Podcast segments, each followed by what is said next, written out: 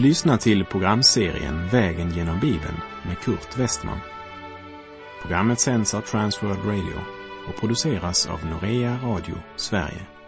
Vi befinner oss nu i Hesekiels bok. Slå gärna upp din bibel och följ med. Vi fortsätter vår vandring genom profeten Hesekiels bok. Vi har kommit till kapitlen 38 och 39 som kanske är det mest kända av alla kapitel i Hesekiels bok. Vem har väl inte någon gång hört talas om Gog och Magog? Och dessa två kapitel, 38 och 39, talar om deras förkastelse. Jag kommer att behandla de här två kapitlen på ett annorlunda sätt än jag vanligen gör eftersom det ligger mig på hjärtat att lyfta fram några stora sanningar som vi borde tänka över. Jag är klar över att det har gjorts många spekulationer omkring dessa kapitel. Och jag ger mig inte på något sätt ut för att ge någon fullständig undervisning. Varken av dessa kapitel eller av några av de andra kapitlen vi vandrat igenom i dessa program. Men min bön det är att vår vandring, vägen genom Bibeln, ska ge en liten hjälp och framför allt ge dig lust att verkligen börja studera Bibeln dagligen, personligen. I kapitel 37 såg vi att Gud har en plan och en mening för Israel i framtiden. Och dessa två kapitel fortsätter det temat. Det talar om den slutliga fienden som ska angripa Israel i den yttersta tiden. Så dess budskap är mera aktuellt än vad det någon gång tidigare varit, eftersom vi nu är ännu närmare. Innan vi går vidare så vill jag säga att även om ordet ros i kapitel 39 påminner om Ryssland så har orden rent språkligt helt olika rötter. Så även om några bibeltolkare hävdar att Gog, storfursten över Rush, skulle syfta till Ryssland, så vill jag säga att det är mycket som är dunkelt här. Och jag ser det inte som något poäng att försöka placera det i något politiskt perspektiv. Därför kommer vissa delar av detta profetiska budskap inte att bli uppenbart förrän i framtiden. Men så pass mycket kan vi säga att Gog måste peka på en fältherre som kommer att stå fram och som har väldiga dimensioner. Det handlar alltså inte om en liknelse eller en illustration, men om en historisk, verklig person. För Gud strider inte mot fingerade personer. I kapitel 38.1 säger Herren, se, jag är emot dig, Gog. Eller som det är översatt i Bibel 2000, jag skall ta itu med dig, Gog. Och Gud tar inte itu med något som inte existerar. Så det handlar om en verklig person och en verklig makt utan att jag vill försöka påstå vilket land det handlar om. Hesekiel 38, vers 1 och 2. Herrens ord kom till mig, han sade, du människobarn, vänd ditt ansikte mot Gog i Magogs land, mot storförsten över Rosh, Mesek och Tubal, och profetera mot honom. Från vår vandring genom Första Mosebok kapitel 10 minns vi att Noas son Jafet hade en son som hette Magog och han hade även två söner som hette Mesak och Tubal. Så Magog kan avse ett folkslag som härstammade från Jafet. Men om det är det profetian i Hesekiel 39 syftar till kan jag inte dokumentera. Låt oss inte fastna i spekulation om vem Gog är eller vad som menas med Magogs land, utan konstatera att huvudpoänget är att Gud i Hesekiel 39 skildrar det stora uppgöret med sina fiender. Det vill säga, Herren vill genom detta profetiska budskap göra klart för oss att det som Herrens fiender gör, det är inte ett streck i räkningen för Gud. Han har allt under sin kontroll. Och även Gog, vem han nu än är, måste stå i Guds tjänst, även om han själv inte förstår det. Gud uppenbarar för oss att när Gud tillåter fienden att rasa fritt så ödelägger fienden sig själv. För ondskan är destruktiv. Den ödelägger sig själv. Och än en gång blir det stadfäst att syndens lön är döden. Hur vann Gud oss en evig seger genom Kristus? Jo, helt enkelt genom att låta Satan få fritt spelrum och med allt sitt hat och med all sin kraft slå emot Herren Jesus. Då blev Satan och synden och världen besegrade och det var en evig seger. Hesekiel 38 och 39 talar om hur Guds fiende, personifierad i diktatorn Gog, med all sin makt angriper Guds folk Israel, men själva slutligen blir besegrade. Men denna gång inte genom att Guds son förnedras och dödas, men genom att Gud uppenbarar sin eviga makt och härlighet. Så ska Gud visa sin storhet och helighet och göra sig känd inför många hedna folks ögon och de skall inse att Herren är Gud. Och jag repeterar medvetet vad jag sa för bara några minuter sedan. Att Herren vill genom detta profetiska budskap göra klart för oss att det som Herrens fiender gör är inte ett streck i räkningen för Gud. I vers 7 så talar Gud om det folk som har samlats från många nationer och som nu bor på Israels berg och bor där i trygghet. Och Herren profeterar följande om diktatorn Gog från Magogs land. Hesekiel 39, verserna 9 till och med 12. Dit skall du dra upp. Du skall komma som ett oväder och vara som ett moln som täcker landet. Du med alla dina härar och med de många folk som följer dig. Så säger Herren, Herren, på den dagen skall tankar stiga upp i ditt hjärta och du ska tänka ut onda planer. Du skall säga, jag ska dra upp mot det obefästa landet. Jag skall angripa dem som bor där i trygghet, alla som bor där utan murar och varken har bommar eller portar. Ty du vill plundra och röva och vända din hand mot ödelagda platser som nu åter är bebodda och mot ett folk som har samlats från hedna folken och som nu har boskap och ägodelar där det bor i landets mitt.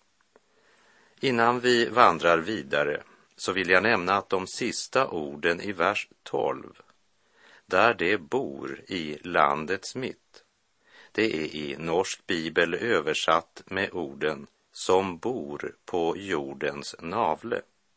Och det samma står i Bibel 2000 och även i den danska bibelöversättningen från 1992. Och det är ett centralt poäng.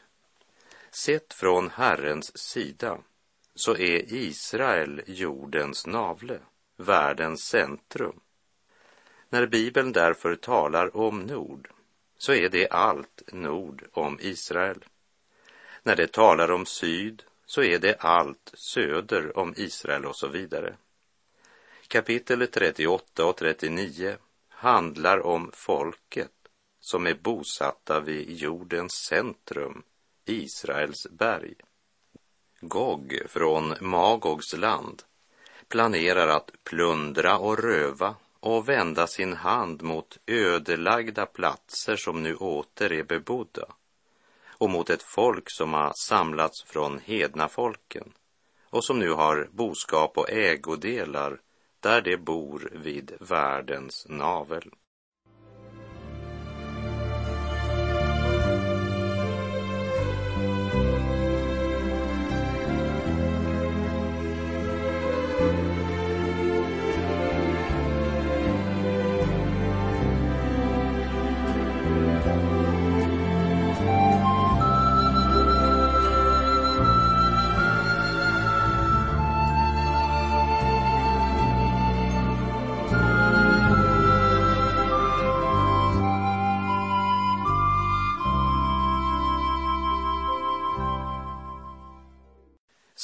Från den fallna människans perspektiv ser det ut som det är Gog som lägger planerna och sätter dem i verk. Frestad att vinna ett lätt byte genom att inta städer som saknar murar. Kanske är det med utgångspunkt i det som sägs i vers 15 som några förtolkare menar att det är Ryssland som är Gog. För här talas ju om ett land som ligger längst uppe i norr. Hesekiel 38, vers 15 och 16. Du skall komma från ditt land längst uppe i norr, du själv och många folk med dig. Alla ridande på hästar, en stor skara, en talrik här. Du skall dra upp mot mitt folk Israel lik ett moln för att övertäcka landet. I kommande dagar skall det ske. Jag ska låta dig komma över mitt land för att hedna folken ska lära känna mig när jag inför deras ögon bevisar mig helig på dig, du Gog. Lägg märke till att Gud i vers 16 säger mitt land om Israel. Här handlar det definitivt om nationen Israel. Men det betyder inte att profetian inte har något att säga även till dig och mig. Det säger oss att vi som Guds barn inte är fritagna från kamp och strid. Ja, men säger någon, ska vi inte ha frid? Ja, Guds ord säger att vi äger den frid som övergår allt förstånd. Samtidigt så är det just denna frid som skapar striden, för den väcker hat hos Guds fiender. I Galaterbrevet 6 kallar ju Paulus Jesu efterföljare för Guds Israel i det nya förbundet. Jag läser Galaterbrevet 6, vers 14 till och med 16. För min del vill jag aldrig berömma mig av något annat än vår Herre Jesu Kristi kors, genom vilket världen är korsfäst för mig och jag för världen. Det har ingen betydelse om man är omskuren eller oomskuren. Det som verkligen betyder något är en ny skapelse, frid och barmhärtighet över dem som följer denna regel ja, över Guds Israel. Men att profetian i Hesekiel 38 och 39 först och främst handlar om nationen Israel råder det inte några tvivel om. Hesekiel 38.18 På den dagen, den dag då Gog kommer över Israels land, säger Herren, Herren, då skall jag släppa loss min vrede. Angreppet kommer inte överraskande för Gud. Och så fort Gog och de som gjort sällskap med honom har satt sina fötter i Israels land griper Gud in. Guds fiender drabbas nog så överraskande av Guds vrede. Men ställs nu plötsligt inför den Gud som han både hånat och förnekat. Och när Gud släpper loss sin vrede över syndens tjänare är det ingen som ens försöker förneka hans suveränitet. De lät sig inte dömas av Gud här i tiden.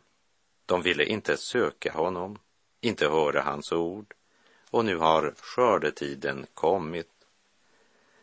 Bland bibelförtolkare så råder det delade meningar om när detta som beskrivs i Hesekiel 38 ska ske.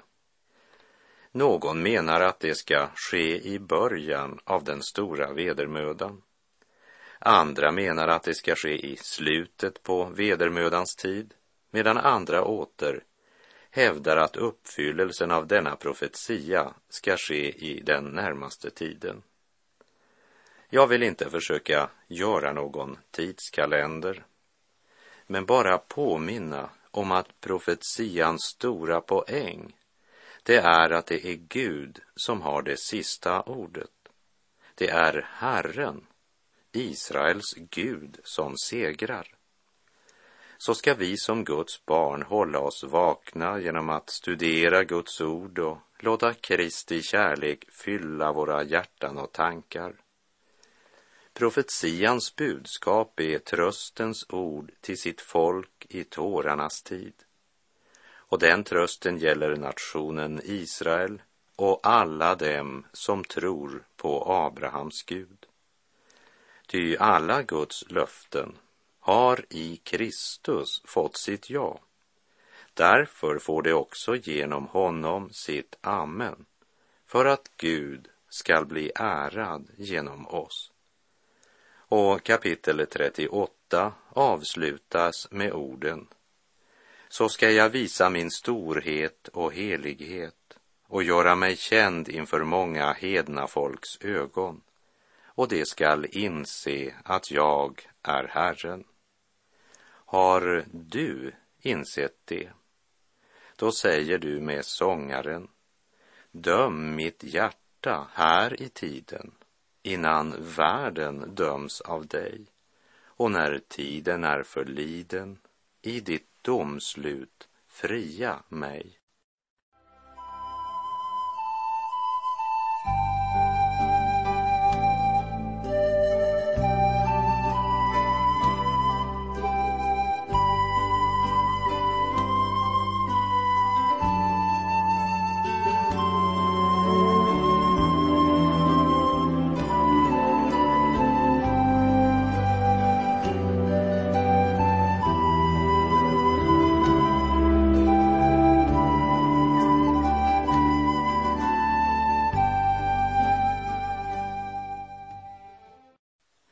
Kapitel 39 fortsätter Herren att tala om Guds dom över Gog. Det talar om Guds gärning när han tillintetgör Guds och Israels fiender. Och det säger oss att när Guds timme kommer så är det ingen strid mellan Gud och hans fiender. Utan när Gud griper in så är alla mänskliga vapen utan värde.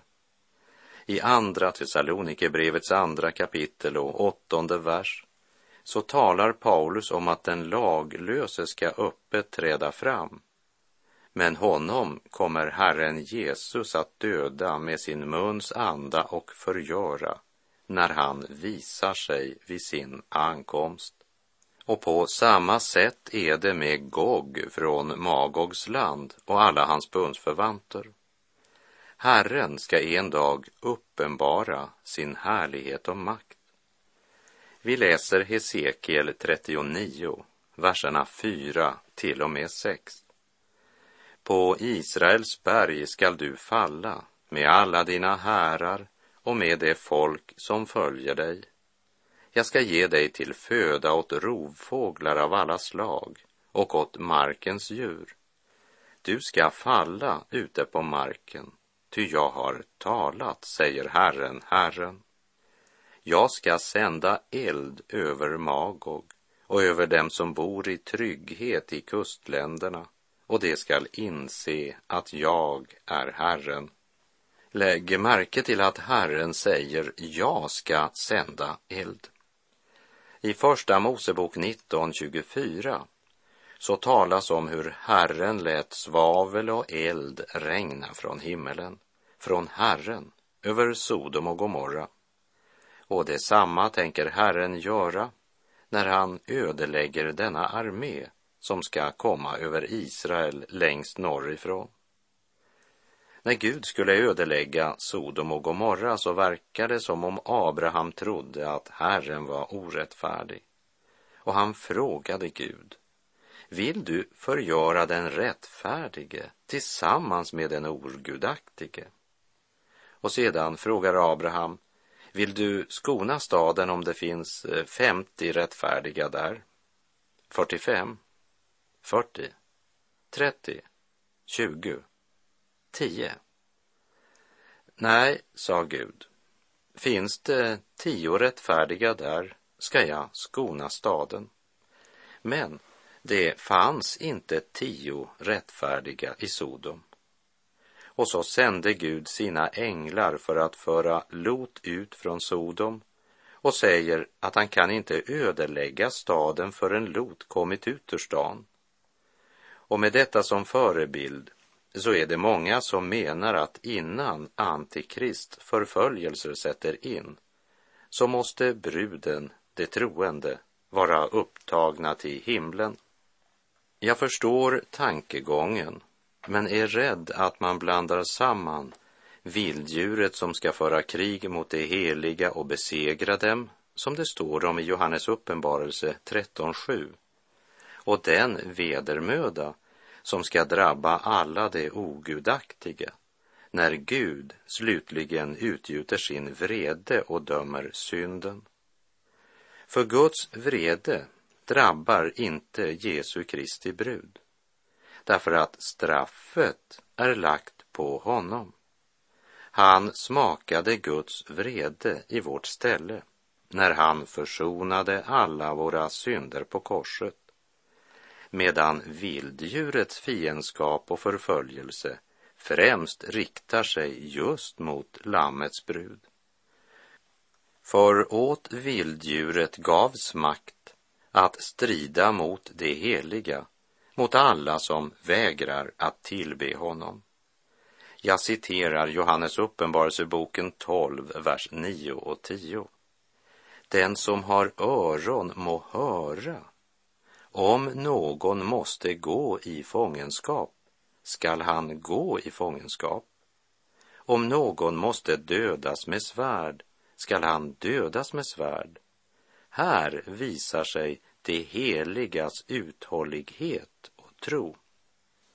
Så döm mitt hjärta här i tiden innan världen döms av dig och när tiden är förliden i ditt domslut fria mig.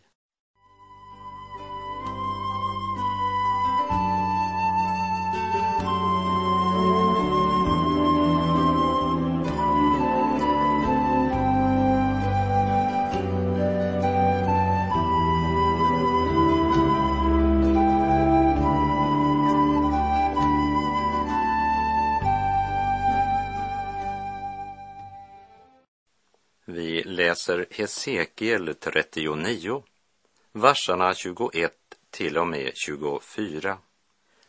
Jag skall uppenbara min härlighet bland hedna folken, så att de alla ser min dom som jag har verkställt och hur jag låtit min hand drabba dem. Israels folk ska inse att jag, Herren, är deras Gud från den dagen och för all framtid. Hedna folken ska förstå att Israels folk fördes bort i fångenskap för sin missgärning eftersom de var trolösa mot mig så att jag måste dölja mitt ansikte för dem. Jag lämnade dem då i deras fienders hand så att de alla föll för svärd. Jag handlade med dem som deras orenhet och deras överträdelser förtjänade. Och jag dolde mitt ansikte för dem. Domen Gud en dag ska verkställa över Gog skall uppfattas av alla, för den uppenbarar Guds härlighet även för hedna folken och de ska även inse att Guds dom över Israel då de fördes bort i fångenskap var rättfärdig. Det var för deras synders skull. Och lägg märke till att Gud säger att han måste dölja sitt ansikte för dem. Det var inte något han ville. Men han hade inget val på grund av deras obotfärdiga hjärtan. De ville inte vända om från sina synder. Och till sist kom syndens konsekvens. Och när jag läser detta så kan jag bara säga, må Gud förbarma sig över vårt kära Sverige, där synden och omoralen flödar, där Guds namn hånas och Guds ord förkastas av de flesta. Och när Herren återförenar Israels stammar och håller sin skyddande hand över dem, skall Israels folk inse att han är Herren, deras Gud. Vi läser Hesekiel 39, vers 25. Jag ska inte mer dölja mitt ansikte för dem eftersom jag har utgjutit min ande över Israels hus, säger Herren, Herren. Jag tror inte att vi ska uppfatta Gog som en ny stormakt, men att det handlar mera om en tillfälligt sammansatt folkmassa. Tillfälligt sammansatta folkmassor utan planmässig organisering. Medan däremot Antikrist är ledaren för det samlade världsriket med en genomtänkt satanisk strategi i ett samlat världsrike vars mål är att krossa Guds riket. Därför framstår Gog som en prototyp på den kommande Antikrist. Men mitt i ondskans alla angrepp, lidande och förföljelse vilar Guds folk som består av frälsta, både judar och hedningar, trygga i vissheten om att Gud är Gud om alla land låg öde. Gud är Gud om alla människor var döda. För det ska komma en dag då all smärta ska bli glömd. Inga mörka skyar mer, inga tårar där vi ser. Ty Herren själv skall avtorka alla tårar från våra kinder. Och med det så är vår tid ute för den här gången. Sök Herren medan han låter sig finnas. Åkalla honom medan han är nära. Herren vare med dig. Må hans välsignelse vila över dig. Gud är god. Du har lyssnat till programserien Vägen genom Bibeln med Kurt Westman som sänds av Transworld Radio. Programserien är producerad av Norea Radio Sverige. Om du önskar mer information om vårt radiomissionsarbete så skriv till Norea Radio Sverige, box 3419 103 68 Stockholm. Adressen är alltså Norea Radio Sverige box 3419. Postnumret 10368 Stockholm.